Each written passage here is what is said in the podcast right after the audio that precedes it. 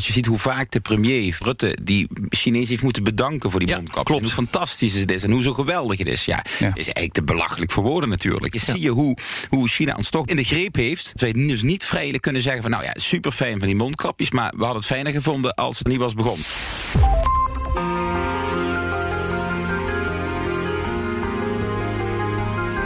Je luistert naar De Stratege, een podcast van BNR in samenwerking met het Den Haag Centrum voor Strategische Studies. Mijn naam is Paul van The Liemt. coronavirus pandemic is changing far more. It is also changing the global balance of power. The post Second World War order is breaking down.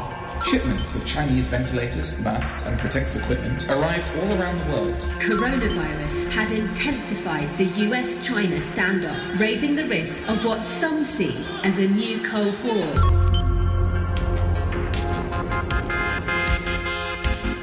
De krachttermen vliegen ons om de oren tijdens de coronacrisis. Van experts tot politici. Niemand denkt dat de wereld hierna nog hetzelfde zal zijn. Now, like the fall of the Berlin Wall or the collapse of the Lehman Brothers, that the coronavirus pandemic is a world-shattering event. It'll lead to permanent shifts in political and economic power in ways that will only become apparent only later. Op het wereldtoneel manifesteert dat zich nu al. De twee supermachten vechten elkaar openlijk de tent uit. De maskers zijn af. How come they stopped all the planes and all of the traffic from going into China, but they didn't stop the planes and the traffic from coming into the United States and from coming into all over Europe? China is accusing the U.S. of pushing false information about the coronavirus origins. Wie komt daar straks als winnaar uit naar voren? En wat betekent dat voor hoe de wereld eruit komt te zien? En hoe moeten de Europese Unie en Nederland zich opstellen om er zo goed mogelijk uit te komen? Dat ga je horen in deze aflevering van De Stratege van mijn gasten Rob de Wijk. De oprichter van het Den Haag Centrum voor Strategische Studies. En ik ben hoogleraar internationale betrekking aan de Universiteit van Leiden. En Martijn van Helvert. Lid van de Tweede Kamer der Staten-Generaal. En ik ben de woordvoerder Buitenlandse Zaken en Defensie voor de CDA-fractie. I'm officially declaring a national emergency. The Spanish government in Madrid has announced that the country's state of alarm is to be extended. Restrictions are tightening all across France, and local authorities such as police prefects or mayors can impose their own rules. Even with the right paperwork, this woman is getting fined. Rob, dankzij de coronacrisis heb jij behoorlijk lang eh, van Frankrijk mogen genieten. Echt letterlijk behoorlijk lang, geloof ik. Ja, kon je wel zeggen. Het is ook de eerste keer in mijn leven dat ik meemaakte wat het is om in een politiestaat te moeten leven. Ja. Want dat was het echt. En dat is geen, dat is geen grap hoor. Dit, eh, want we hebben drie maanden lang, nou twee maanden lang, tweeënhalve maand, een eh, briefje moeten invullen om überhaupt het huis uit te kunnen. En dat werd ook gewoon gecontroleerd door de gendarmerie. En eh wee je gemeente dat je wederrechtelijk buiten je huis was. Dat. eh, werd niet echt op prijs gesteld. Er net zeggen, stonden want er enorme zit toch hoge altijd- boetes. Er zit eh, ook iets rebels in je, maar dit eh, hier hou je kunnen nou, ik moet zeggen eh, dat rebelse werd er eh, in, de, in Frankrijk wel behoorlijk eh, uitgemapt, om het zo te zeggen. Ja, en eh, nou ja, en dat, dat, dat is eigenlijk heel jammer, ook, ook voor dit programma misschien wel. Want eh Arend Jan Boeken zijn er ook al niet bij. Dat is Ja. toch een vreemde gewaarwording. hè? Nee, eh, nou ja, kijk, we hebben natuurlijk al die programma's moeten opnemen. digitaal via, de, via allerlei lijnen en via satellieten. Maar goed, dat is allemaal wel gelukt. Maar dat, iedereen zat met hetzelfde probleem natuurlijk. Meneer Van Helvert die zat met een heel ander probleem. En misschien helemaal geen probleem, want die reist normaal gesproken altijd regelmatig naar het buitenland. En nu was het vooral Sittard, eh, als ik het goed heb, waar u bent geweest. En, en natuurlijk ook Den Haag. Was het een beetje tussen beide steden op en neer gaan, of niet, meneer Van Helvert?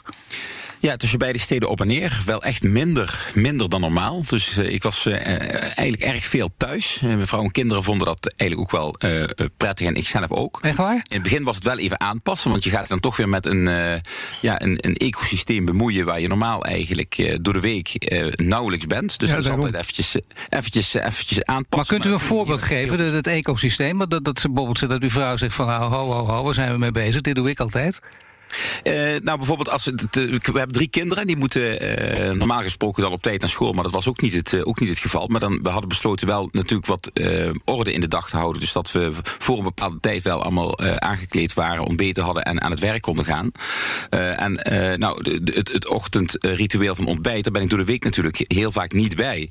Want dan ben ik al weg. En als ik dan op, op mijn manier denk, ik zet dat klaar. En of ik open de kast zo, of ik doe dit. Ja, dan zeggen of de kinderen of mijn vrouw. Ja, wacht, dat doen we normaal zo. Of dat staat normaal daar, weet je wel. Dus, dat, dus dan voel je echt, dat was echt wel erg. Nee. Dan denk je echt van, jee, wat erg dat ik dus zoveel weg ben. Ja, maar ja, nu lijsttrekkerskandidaat voor het CDA. Er worden dus hele drukke tijden. Dus eh, Martijn van Helvoort, eh, ja, die zien ze zelden nog thuis. Nou, je, je merkt gelijk dat ik op vrijdag nu in Den Haag ben. Want normaal ben ik op vrijdag ja, of in Brussel of, of in, uh, of, of in Sittard. Maar dat is dus al gelijk anders inderdaad. Maar worden dat echt uh, werkweken van 100 uur? Nou, die zullen er vast bij zitten. Dan zit hij er ook wel eens bij als je geen lijsttrekker bent hoor. Maar dat is, dat, dat is ook niet erg. Hè? Ik bedoel, daar, de belastingbetaler uh, betaler, betaalt rijkelijk daarvoor. Maar, maar het, ja, lijsttrekken, dat doe je niet als je zegt ik wil een 9 tot 5 job. Nee, dat klopt. En als je zo eens naar de andere kandidaten kijkt bij uh, partij, dan denk je, nou, er wordt een makkie voor Martijn van Helvert. Ja, ja, goed dat u dat zo zegt. Ik denk dat het, uh, dat het inderdaad waar is. Het voordeel is natuurlijk, uh, en dat is het grote voordeel wat ik heb op al die kandidaten, ik hoef dat kabinet niet in. En uh, wat je dus kunt doen, is dat je in principe, kun je zeggen, kun je, krijg je, kun je alle kandidaten er gratis bij krijgen. Alleen, ik vind het echt mooi als een, een lijsttrekker en een politiek leider in de Kamer zit, omdat dat het hoogste orgaan is. En daar kun je dus ook altijd je fractiestandpunt vertellen. Natuurlijk maak je ook afspraken in een coalitie.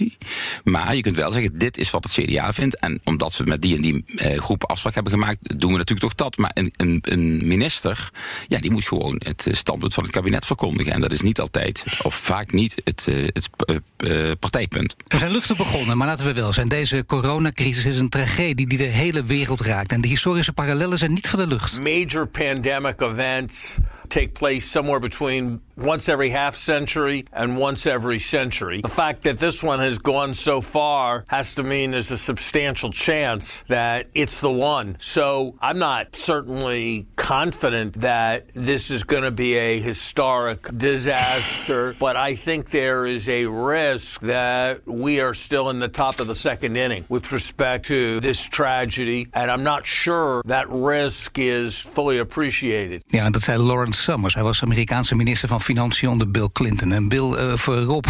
Bill. En zie je, dat is een hele goede trouwens. Ja. Deze, deze Rob en Bill lijken een beetje op elkaar. We spreken vandaag over een, notitie die hij schreef. Met ja. de postelijke naam De geopolitieke gevolgen van de coronacrisis. Ja, en je Summers titel, ja. Nee, nou, je, je hoorde Summers al zeggen... we onderschatten misschien hoe groot de impact zal zijn. Is dat waar of niet? Ja, ja en nee. Uh, nee, omdat als je kijkt naar wat uh, pandemieën in het verleden hebben aangericht... Uh, ja, ja, kom je eigenlijk ook niet in de geschiedenisboeken voor... dat dat echt substantieel is geweest. Behalve natuurlijk de Spaanse griep... die plaatsvond na de Eerste Wereldoorlog. Maar ja, laten we zeggen, die heeft ook de kaart van de wereld niet hertekend. Dat deed de Eerste Wereldoorlog. Maar we hebben natuurlijk pandemieën gehad... Uh, in de jaren 50, we hebben ze gehad in de jaren 60... die heel vergelijkbaar waren met de coronacrisis die we nu hebben. En daarvan moet je constateren dat die eigenlijk niks gedaan hebben. Ja, wat die hebben gedaan in een aantal gevallen was uh, economisch.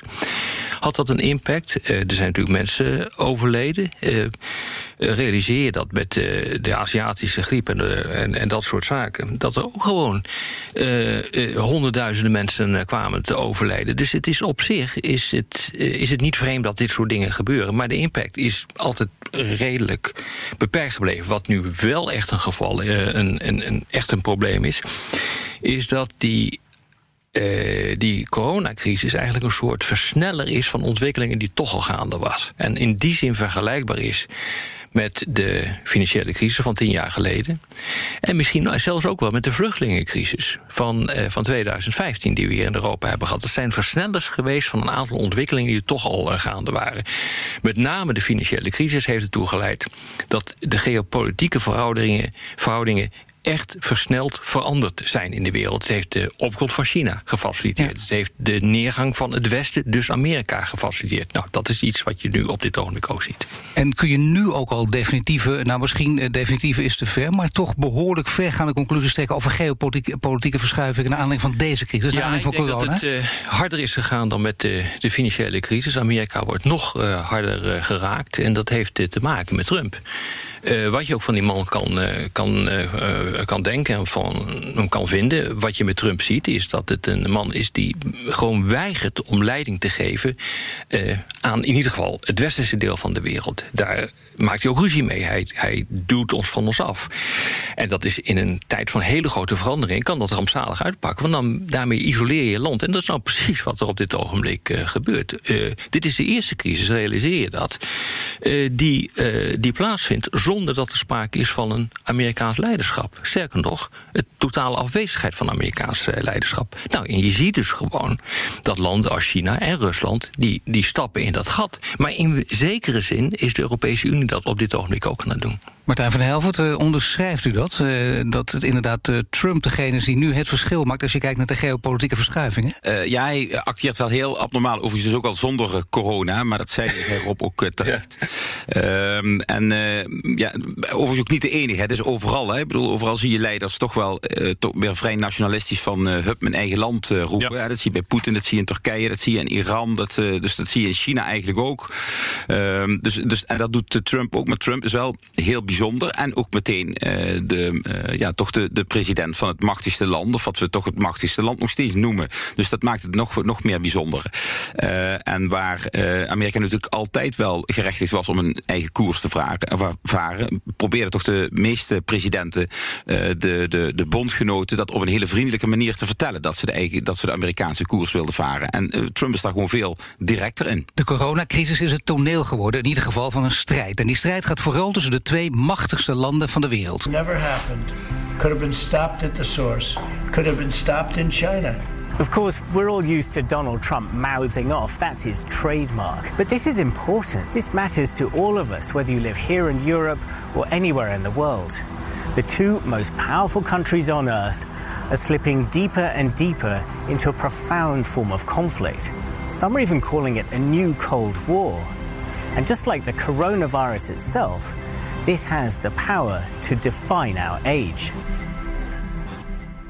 Ja, heel mooi, prachtig gearticuleerd Engels weer dit. Hè? Een, eh, een, nieuwe koude oorlog tussen China en Amerika. Een accurate, adequate beschrijving? Nou ja, het is wel een soort van koude oorlog. Uh, het is niet helemaal vergelijkbaar met de echte koude oorlog. Want uh, toen stonden de twee vijandelijke blokken tegenover elkaar... met hele eigen ideologieën. Communisme versus het kapitalisme.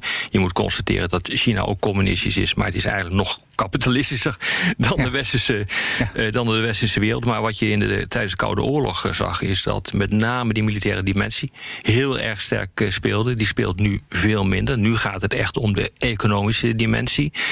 Uh, maar dat er sprake is van een machtsstrijd en de nummer één positie in de wereld, ja, dat maakt het natuurlijk wel heel, heel erg hevig van wat er op dit ogenblik aan de gang is. Ja, want in je paper noem je Amerika natuurlijk nog steeds de gevestigde macht. En ja. Eh, noem je China de opkomende macht. Ja, het is ook een opkomende macht. En je ziet dus uh, wat er gebeurt. Dat gebeurde tien jaar geleden ook met de financiële crisis. China maakt gewoon gebruik van de situatie. Door bijvoorbeeld uh, orde op zaken te stellen in de Zuid-Chinese Zee. Amerika is min of meer vleugellam. Ze hebben in de Zuid-Chinese Zee de Chinezen twee nieuwe districten ingericht ze hebben gezegd van nou dat wordt nu op een andere manier bestuurd, want het is ons gebied. Dat is niet zo. Uh, want die claims op die Zuid-Chinese zee die zijn duidelijk uh, afgewezen door het uh, permanente hof van arbitrage in, in Den Haag. Maar desalniettemin kan men het nu doen omdat men weet dat er toch geen reacties komen. Nou, de Amerikanen hebben al wat twee oorlogsschepen het gebied in gestuurd, maar dat is veel meer symbolisch. Je ziet wat er in Hongkong gebeurt. Ook daar neemt de repressie toe. De repressie toe neemt in eigen land toe. Men probeert veel meer controle te krijgen over de berichtgeving eh, die uit eh, China komt. Dus de journalisten van grote Amerikaanse kranten, Washington Post, New York Times, die zijn uitgewezen. Eh, dus je, je ziet dat dat heel hard gaat. Nou, over Europa moeten we straks maar even praten, want daar zie je precies hetzelfde gebeuren. China, Europa en Amerika doet niks. Nee, we gaan zeker ook nog over Europa praten. Maar nu nog even China tegenover Amerika. Is het inderdaad een koude oorlog? Uh, Rob de Wijk zegt ja, zeker. Dat is een adequate omschrijving. Meneer Van Helvert, vindt u dat ook? Nou, ik vind het eigenlijk wel een, wel een goede. Uh, en natuurlijk, aan de kant kunnen we natuurlijk blij zijn dat het nog, uh, nog koud is. Uh, maar de, ja, het is natuurlijk wel zo, want het zijn ook, er zitten ook leiders bij in de wereld. en Trump is er een van die natuurlijk ja, heel ruig kan spreken. En van de een op de andere dag een beslissing kan nemen waar ehm, andere bestuurders misschien wat langer over zouden, zouden doen. En wat, je, wat je ook ziet is dat ehm, aan die oorlog, daar, daar lijden natuurlijk uiteindelijk ook de gewone burgers onder. Hè? Want het zijn gewoon mensen die een bedrijf hebben en die ineens uh, worden geconfronteerd met nieuwe maatregelen.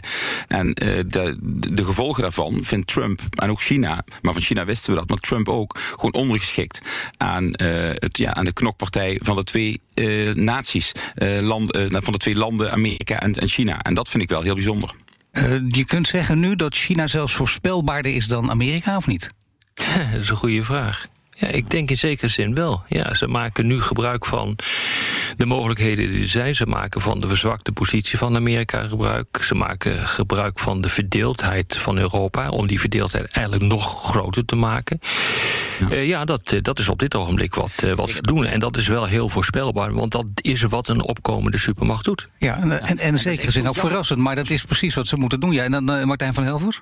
Ja, ja, kijk, en het is eigenlijk zo, ja, ik zou haar zeggen, jammer als ik het woord mag gebruiken, dat uh, Amerika nou niet die rol pakt. Als ja. je nou misschien toch een wat meer verbindende president had. Want, uh, want de analyse van de Verenigde Staten over China, die deel ik eigenlijk wel. Hè? Ja, dus ik ze zeggen heel duidelijk wat China allemaal niet eerlijk doet, niet goed doet, mensenrechten schendt. Nou, daar ben ik het eigenlijk allemaal mee eens. Alleen de aanpak die Trump dan kiest, is gewoon echt helemaal in zijn eentje keihard gaan knokken tegen China. Terwijl als je tegen Europa zegt, hey Europa, uh, zullen we eens even om tafel gaan? Hoe zullen we China samen aanpakken? Want hij weet dat de cultuur in Europa anders is, niet zo'n harde als in Amerika.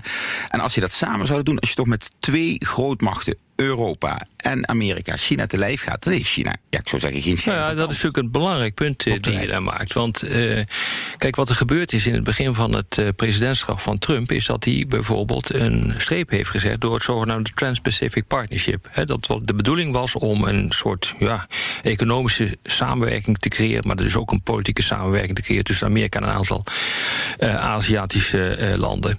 hij heeft ook een streep gezet, dat lag ook controversieel natuurlijk in Europa rond TTIP. Hè, dus het, het, het transatlantische uh, handels- en investeringspact. Stel je nou voor hè, dat die beide pakten er wel waren gekomen. Dan had de wereld er nu totaal anders uitgezien. He, dan was pakweg eh, 60, 70 procent van de hele wereldeconomie was nu verenigd in een, in een groot blok ja. dat van Azië over Amerika en Europa liep. Dan had China nooit de speelruimte kunnen krijgen die het op dit ogenblik uh, had. Deskundigen hebben daarvoor gewaarschuwd. Die hebben gezegd, altijd gezegd TTIP en TPP, om die verschillende afkortingen te gebruiken. Uh, dat zijn geopolitieke projecten. Maar op een of andere manier, zowel in Europa als in Amerika, ontbrak totaal de behoefte om inderdaad invulling te geven aan die geopolitieke uitdaging. Ik denk dat historici ons daar enorm op gaan afrekenen. China maakt zich tijdens die coronacrisis heel erg druk hè, over hoe de rest van de wereld zo ziet. Daar zijn ze heel erg mee bezig. Luister maar even. Once the virus spread across the world, China started positioning itself as being at the forefront of fighting the pandemic. It presented itself as a partner, a grateful recipient, and more recently, a selfless leader highlighting large donations from Chinese companies and the government. China hasn't typically disparaged other countries' responses to the virus, with one exception the United States. Ja, en hoe belangrijk is die zogenaamde mondkapjesdiplomatie voor het bereiken van, van, van bijna alle doelen van, van uh, China? Ja, die is heel belangrijk uh, geweest. Uh, die mondkapjesdiplomatie uh, die is namelijk hand in hand gegaan met verschrikkelijke propaganda. Dus het leek alsof inderdaad China bezig was om de wereld te, te redden. Dat bleek in de praktijk heel erg tegen te vallen. Omdat het om een heel klein deel ging van wat er totaal uit China kwam. Voor de rest moest gewoon echt de volle map worden betaald. maar dat hebben ze gewoon handig gedaan. En je ziet ook, als je naar de cijfers kijkt, dat in Italië, Duitsland Tsjechië, dat daar ook de publieke opinie ten voordele van, uh, van China is omgeslagen. En nog ten nadele, nog meer ten nadele van, van Amerika. Dus dat heeft wel een enorm effect gehad. Maar ik moet tegelijkertijd zeggen dat er natuurlijk ook een hoop flauwekul uit China is gekomen. En dat begint zich nu ja. tegen zich te keren. Hè? Want die woordvoerder van Buitenlandse Zaken, meneer Zhao Liang, die heeft gezegd: ja, misschien is dat virus toch wel ontstaan in een, in een ergens in Maryland in een laboratorium. En dat is meegenomen door een sportploeg. En daardoor ja. hebben we in Wuhan hebben we die uitbraak. Nou, dat soort, dat soort complottheorieën die zijn ook van ja. overheidswegen verspreid. En ik moet zeggen, dat, daar heeft Trump wel heel erg handig op ingespeeld. Door te zeggen van nee, volgens mij komt het namelijk uit, uh, uit Wuhan zelf, uit een laboratorium. En ik wil een internationaal onderzoek. En dat wordt vervolgens geweigerd door Beijing. Ja. ja, in de westerse wereld, als je iets weigert, zo'n onderzoek, dan heb je iets te verbergen. Ja. Dus dat is tegen hem gaan werken. Wat ook tegen hem is, uh, tegen China is gaan werken, uh, is het feit dat uh, dat officiële verhaal uit moest worden gedragen door de ambassadeurs, die allemaal ehm, ja, die hebben advertentieruimte gekocht. Om het Chinese verhaal te vertellen. Nou, ik hoef jou niet uit te leggen. Dat als je echt iets te melden hebt als ambassadeur. Ja, dan. eh, interview jij hem wel. Maar in dit geval ja. wordt er natuurlijk onmiddellijk gedacht van ja, dat is gewoon staatspropaganda. Dat geloven we helemaal niet. En, en dat, dus het is eigenlijk is het gewoon de balans is niet positief en niet negatief wat er uiteindelijk uit is eh, gekomen. Maar de Chinezen Maar leren snel. toch, vind ik. Meneer Van Helft.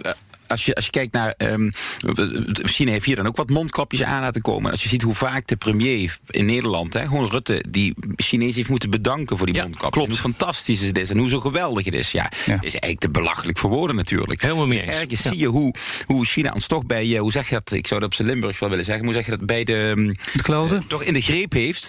Oh. ehm, eh, eh, in de greep heeft dat wij dus niet vrijelijk kunnen zeggen van nou ja, super fijn van die mondkapjes, maar we hadden het fijner gevonden als het er niet was begonnen. Snap je? Dus, eh, En dat is heel apart. En als Ja, bijvoorbeeld. de- en als van Taiwan eh, veel meer mondkapjes laat aankomen en veel sneller, eh, dan, wordt dat, eh, eh, dan wordt daar helemaal niet zo'n grote show van gemaakt. Dus, Nee, maar het is nog veel erger. Want eh, op een gegeven ogenblik, eh, toen die crisis uitbrak in Wuhan... toen zijn er tonnen medisch materieel gekomen vanuit Europa in de richting van China. Dat is allemaal naartoe gegaan. Uit de hele wereld werden de hulpgoederen gestuurd naar, eh, naar China. En wij maken daar niet zo'n fus over. Eh, wij doen dat omdat we dat namelijk gewoon altijd hebben gedaan als Europeaan. Dus daar maken we helemaal niet zo'n punt van. Bovendien wordt het niet eens opgepikt in de media, omdat iedereen dat zo normaal vindt. Maar realiseer je dat eh, de Chinese autoriteiten hebben gevraagd om het niet naar buiten te brengen. Dat die, eh, dat die mond, ook mondkapjes en andere medische hulpgoederen... dat die daar daadwerkelijk werden eh, ingevlogen in eh, Wuhan. En dat geeft natuurlijk echt te denken... omdat de Chinezen niet de indruk wilden wekken... dat ze de boel niet onder controle hadden... en dat ze afhankelijk waren van het buitenland. Dus het zegt heel veel, deze, deze crisis... over hoe China in het leven staat. Nou hebben we het eh, gehad over China en Amerika. We gaan zo meteen over Europa praten. Maar even Rusland nog apart. Dat moeten we ook nog even bespreken. Hoe, eh, hoe eh, ziet u de rol van Rusland, meneer Van Hilvoort, in deze coronacrisis? Eh, ja, eh, die, die was even afwezig. eh, totdat ze ineens dachten: hé, hey, wij kunnen ook, ook wat doen. En wij kunnen dat PR-technisch ook benutten. door daar waar landen in problemen zijn. en niet gelijk hulp krijgen van anderen. die hulp te gaan bieden. En dan zag je dus ook dat zij met mondkapjes. en ook een aantal vrachtwagens reden. Ik geloof Italië binnen. Italië, Nou, ja. wordt dat, ja, en, het, en het is eigenlijk qua aantallen valt dat allemaal gerust, reuze mee. Maar daar wordt een circus van gemaakt. alsof hier heel Italië gered wordt door Rusland. Nou, dat is echt knap gedaan. En, en we staan er eigenlijk allemaal ook gewoon toe. Het is niet normaal. Hè? En, en eh, waar wij zitten te knokken in Nederland, heb ik wel eens gezegd. eh, een, potje Italië-Nederland. Eh, Italië vindt dat wij te weinig doen. Wij vinden dat Italië de pensioen op orde moet hebben. Wat we alle- allemaal lang vonden, maar dat gaan we dan uitvechten tijdens corona. Ja. Ja, daar- en we laten Rusland en China die landen helpen. Dus die lachen ja. zich gewoon kapot. En, en ik snap dat het een lastige discussie is. Hè, want als mensen tegen mij zeggen: wij gaan toch niet de, de pensioenen van Italië betalen? Nee, maar dat vonden we ook al voor corona. En toen hebben we het ook niet geregeld. En nu willen we ineens tijdens corona dat gaan regelen. Daar ben ik gewoon op tegen. Nee, marketingtechnisch heel onhandig ook. Hè? Maar, maar Rusland, de rol van Rusland. Heel Nou ja, kijk, ik ben het eh, eh, eens met uh, Martijn als hij zegt van eh, die, eh, die Russen die hebben daar ook weer gebruik van eh, eh, willen maken. Eh, de dozen kwamen aan met opschriften From Russia with Love. Oh ja, dat is trouwens inderdaad. eh, ja. Hoe krijg Nee, je eh, het, bedacht? Ik, Ja. ik dacht eerst dat dat een grap was. Maar dat was helemaal niet eh, zo. ze, ze bedoelden het echt. Maar er is één groot verschil tussen Rusland en, eh, en China. Ze hebben dit geprobeerd. Maar tegelijkertijd hadden ze hun eigen naam al zo verpest in Europa. Met de annexatie van de Krim. Eh, al die aanslagen die er zijn geweest. Op bijvoorbeeld Skripal in Salisbury. Met die hele Novichok-affaire. Eh, dat, die, dat die naam van, van Rusland. die werd hier niet goed meegemaakt. Met dit soort, dit, dit soort acties. Misschien wel bij een aantal pro-Russische elementen binnen Italië. Daar behoorlijk veel aanwezig zijn. Maar voor de rest is, heeft het niet zoveel effect gehad. En daar komt nog een heel ander belangrijk eh, punt bij. Eh, eh, China kan terugvallen op het zogenaamde Belt and Road initiatief, de nieuwe zijderoutes. Inmiddels zijn veel Europese landen daarbij aangesloten. En, wat, en, en wat je ziet, is dat het de eerste overleggen, de eerste videoconferentie hebben plaatsgevonden in het zogenaamde 17 plus 1 format. Dat zijn 17 Europese landen, wat armere Europese landen, die samen met China in een forum zitten en daar dingen overleggen. Uh, dus het eerste overleg over hulp heeft daarin plaatsgevonden. En vervolgens kregen de landen die zich aan hadden gesloten bij dat Belt and Road initiatief, die nieuwe zijderoutes, als eerste de hulpgoederen toegeleverd. Ja. En uh, dus China weet wel waar zijn bondgenoten zaten. En Nederland stond op die, die manier natuurlijk niet voor in de rij. Maar het heeft dus enorme politieke effecten gehad. En dat verklaart ook waarom uh, China uiteindelijk toch wel uh, nou ja, uh, geprobeerd heeft om hier veel bij te winnen. Dat dat vervolgens weer door allerlei flauwekulpropaganda onderuit is gehaald. Allemaal tot je dienst. Maar ik denk dat ze daar nu ook wel mee ophouden. Ik heb het al een paar keer beloofd en naar verwezen. We gaan nu naar de EU. Een crisis die verenigt, zoals we allemaal weten, nog wel eens. Maar of dat in Europa ook echt gelukt is? Another all-night session of virtual talks and another failure. Yet again, it's a north south divide. Italy and Spain desperately want new EU borrowing in the form of euro bonds or Corona bonds. Leading the holdout are the Dutch, who are refusing to sign off on the idea of sharing debt. It's a rerun of the 2008 financial crash. Richer northern countries refusing to lend money to poorer southern ones without punishing conditions. En als je dit weer beluistert, meneer Van Helvert, dan moet je toch concluderen dat we er niet echt lekker op staan bij de meerderheid van de andere EU-landen. Nee, dat is ook, dat probeer ik wel. Als ik dus met, met, met mensen over in gesprek ben die dus zeggen van wij gaan dat toch niet betalen, die pensioenen, ga ik zeggen, kijk, wij hebben een slecht beeld van Italië, een slecht beeld van Griekenland. Griekenland heeft overigens trouwens heel goed gedaan in de afgelopen jaar uh, met de hervormingen. Maar goed, ik zeg maar, denk niet dat die andere mensen altijd staan te vlaggen, al, eh, met onze Nederlandse vlag staan te zwaaien als ze ons zien. Dus ze hebben ook een slecht beeld van ons. Want wij willen natuurlijk kijken ook van what's in it for us. En dat is ook ons goed recht. Ik ben er dus ook niet tegen dat we dat niet doen. Maar ik denk wel dat we als rijk land eh, dat ook last heeft van een crisis, juist wel die gezamenlijkheid op moeten zoeken. Dus dat wil niet zeggen dat je ongedekte checks tekent, daar ben ik helemaal niet voor. Maar ik denk wel dat we daar constructief in kunnen gaan. Dat we de kracht van Europa mm. zien. Dat vind ik wel heel belangrijk. Ja, maar is het dus ook goed, is het ook goed dat bijvoorbeeld, hè, waar, waar, daar ging de hele discussie over, dat we op Hoekstra er ook echt veel in is gegaan, met, met alle gevolgen van dien?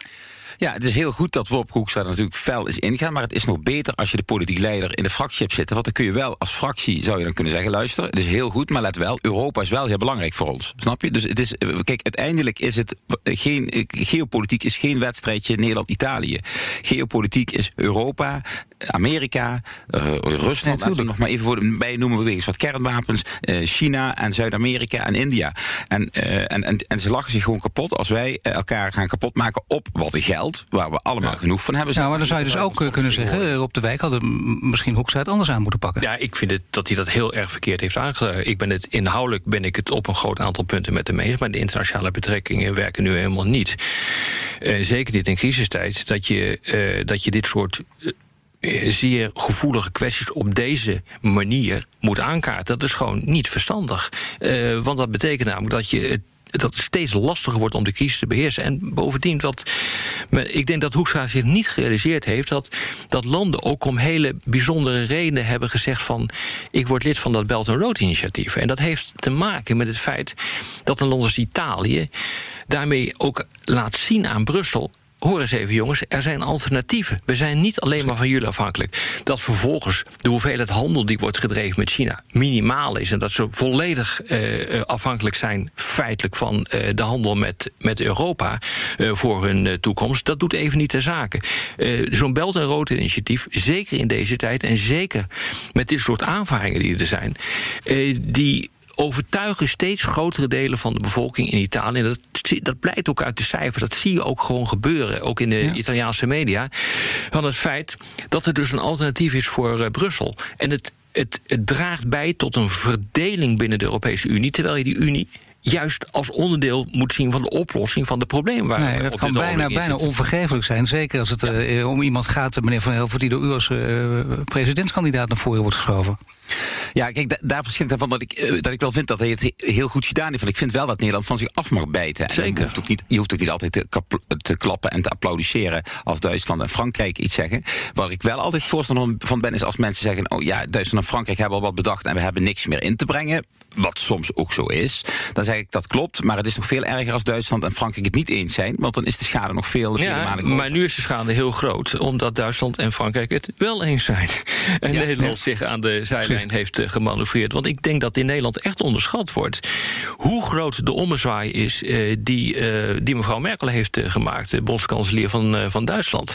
En dat Nederland nu feitelijk overslag moet gaan. En wat dan ook weer intern ook in de Tweede Kamer zal worden uitgelegd als een nederlaag. En dat is koor op het molen van, uh, van eurosceptici.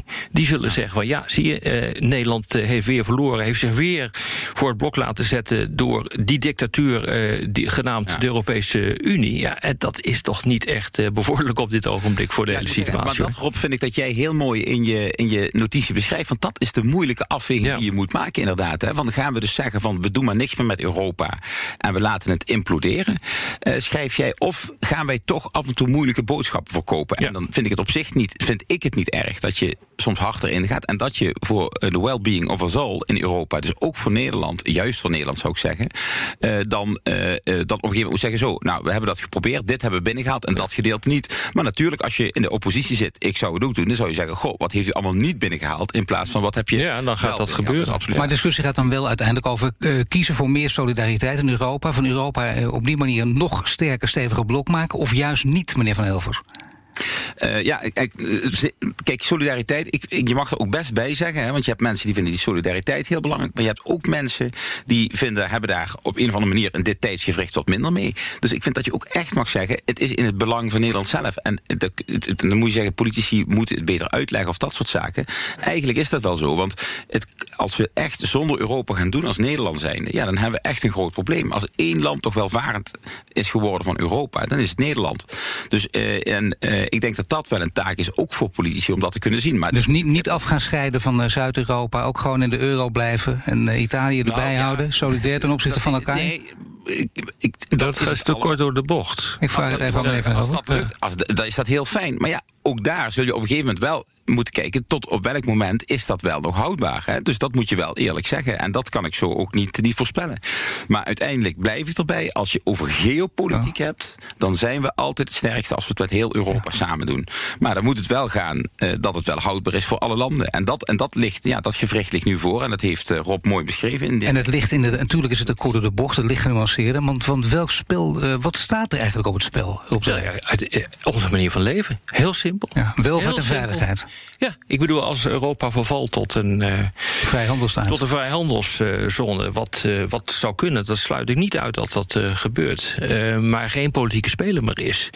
Realiseer je dat zowel de, de Russen als de Chinezen, als ook Trump, ja. allemaal iets hebben naar Europa van ja wij krijgen daar geen grip op. Het is te machtig, het is te groot. Dat is trouwens ook direct het probleem van, van veel eurosceptische krachten, ook in de Tweede Kamer. Vinden gewoon die Europese Unie te machtig. En dichten de Europese Unie ook uh, ja, zaken toe waar ze helemaal niet over gaan. De coronacrisis, volksgezondheid, is gewoon een nationale verantwoordelijkheid. Ja. Daar kan je de Europese Unie niet voor verantwoordelijk stellen hoe dat wordt opgelost. Maar uh, als je dus niet meer in staat bent om gezamenlijk op te trekken, als kleine Europese landen en ook Frankrijk is klein, Duitsland is klein. De Britten komen er nu ook achter dat ze klein zijn. En dat ze geen deuk in een pakje boter kunnen slaan. Dat betekent dus uiteindelijk ja, dat een nieuwe opkomende macht, genaamd China, de wereldorde gaat bepalen dat hebben wij altijd gedaan als Europeanen. En dat betekent dus ook dat je hele waardesysteem waarin je je lekker voelt, gewoon gaat verdwijnen. Maar geen Pax, Pax uh, Britannica meer, geen Pax nee. Americana meer, schrijf je allemaal in je paper. Dat is ja. het ook al, die transatlantische uh, paraplu waar we ons ja, altijd dus moet je het van voelden, Europa is weg. Hebben, wil je er zoveel mogelijk Als je de liberale waarden in stand wil houden, ja, dan, moet je dus, dan moet je dus, als je dus inderdaad het belangrijk vindt dat landen zich verenigen op grond van vrijheid, democratie, mensenrechten. Als je dat allemaal belangrijk vindt en ook nog eens een keer economisch vooruit wil, ja, dan zul je moeten samenwerken. En dan zul je daar een aantal concessies in uh, moeten doen. Denk je, nou, het maakt me verder ook niet uit. Ja, hou er dan gewoon mee op. En dan, zul je en, dus dan moet je, dan moeten moet je Nederland ombouwen tot een soort Singapore aan de Noordzee. Ja, ja. ja maar, dat, kan, ja, dat, dat wil u toch ook niet, meneer Van Helft, of wel? Maar dan moet ook niet denken dat, dat je dan geen concessies hoeft te doen. Natuurlijk. Dat, dat, dat, zullen we, dat zullen we, en in mijn beleving, nog veel grotere Ja, dat denk ik dus maar, ook. Ja. Maar, maar dat is altijd, nou, en dat is in dit tijdschrift, we hadden het net over de grote landen van Trump en Erdogan en Iran, die een beetje, wij, hup, wij kunnen hetzelfde, uh, zelf het beste. Ja, maar dat is in Nederland natuurlijk ook behoorlijk aan de gang bij een aantal politieke ja. stromingen. Ik bedoel, PVV en Forum, ja. die zeggen niks anders dan dat, dat Nederland het in zijn eentje het beste kan. Maar Trump, dat is natuurlijk heel aardig, die komt nu ook tot de ontdekking dat hij dat dus niet in zijn eentje kan. Daar zit dus echt een groot probleem in. Eh, hij heeft eh, gedacht van, nou, ik eh, maak wel even een nieuwe deal met de Europese Unie. Het lukt gewoon niet. Het lukt hem gewoon niet. Het, een nieuwe deal met China. Ze gaan gewoon doen wat ik zeg. Het lukt gewoon niet. Maar dus je hij ziet, kan je ziet dat niet. je af en toe politici nodig hebben die inderdaad eh, iets durven. Of je het er mee eens bent of niet. Maar wat bijvoorbeeld eh, inderdaad, je zei het net al op de wijk, Angela Merkel gedaan heeft. Die die opmerkelijke draai gemaakt heeft. Ja, maar Eh, die zou, heeft zou je in Nederland ook politici moeten Nou ja, hebben die dat kijk, durven? want Merkel heeft natuurlijk ingezien dat ze dit niet alleen kan.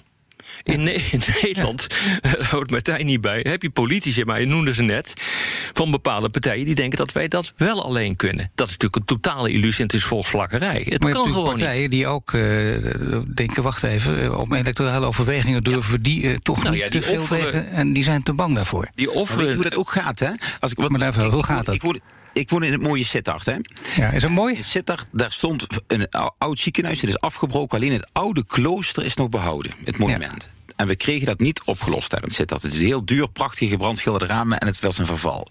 Dat is opgekocht. Ik woon er, nou, 300 meter hemelsbreed vandaan. Ik ben er geboren in dat ziekenhuis.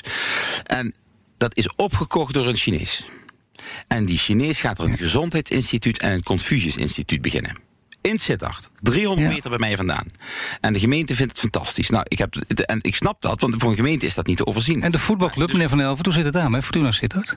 De Fortuna Sittard is opgekocht door Izitan Gün, een Turkse Precies. Overigens geen fan van Erdogan, maar dat er zei, ik weet niet of ik dat mag zeggen, want misschien is hij dadelijk, eh, staat hij in de, ik- heeft hij daar last van. Maar, eh, maar, maar dus, eh, dat geeft al aan, en dan zie je dus dat je lokaal eigenlijk steeds meer draag, als een soort mondkapjes draagvlak krijgt voor China. Een Confucius Instituut dat vervolgens natuurlijk de Chinese waarden ook aan iedereen daar eh, gaat verspreiden. Dat ook nog eens dan bij Hogeschool Zuid en bij Gemmelot Campus en bij de Universiteit Maastricht binnenkomt door samen kennis te gaan delen en samen het kennis te doen.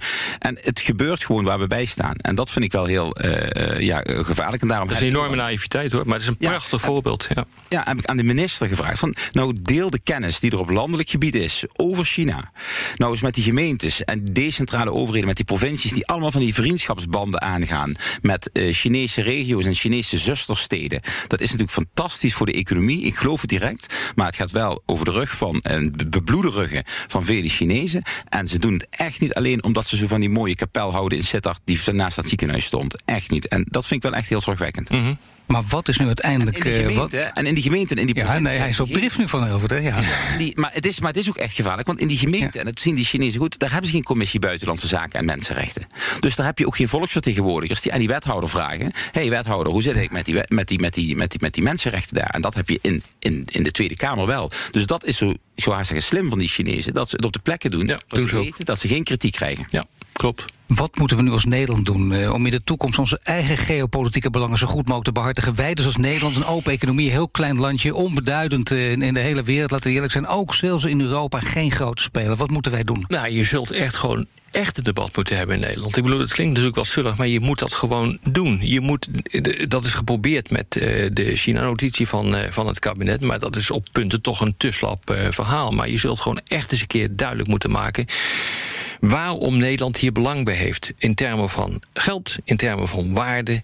En eh, dat betekent dus ook dat je gewoon over, eh, over je eigen schaduw heen moet springen. In die zin dat je moet zeggen van... oké, dan zal ik dus ook een aantal besluiten moet, eh, moeten nemen... die ik misschien niet zo leuk vind.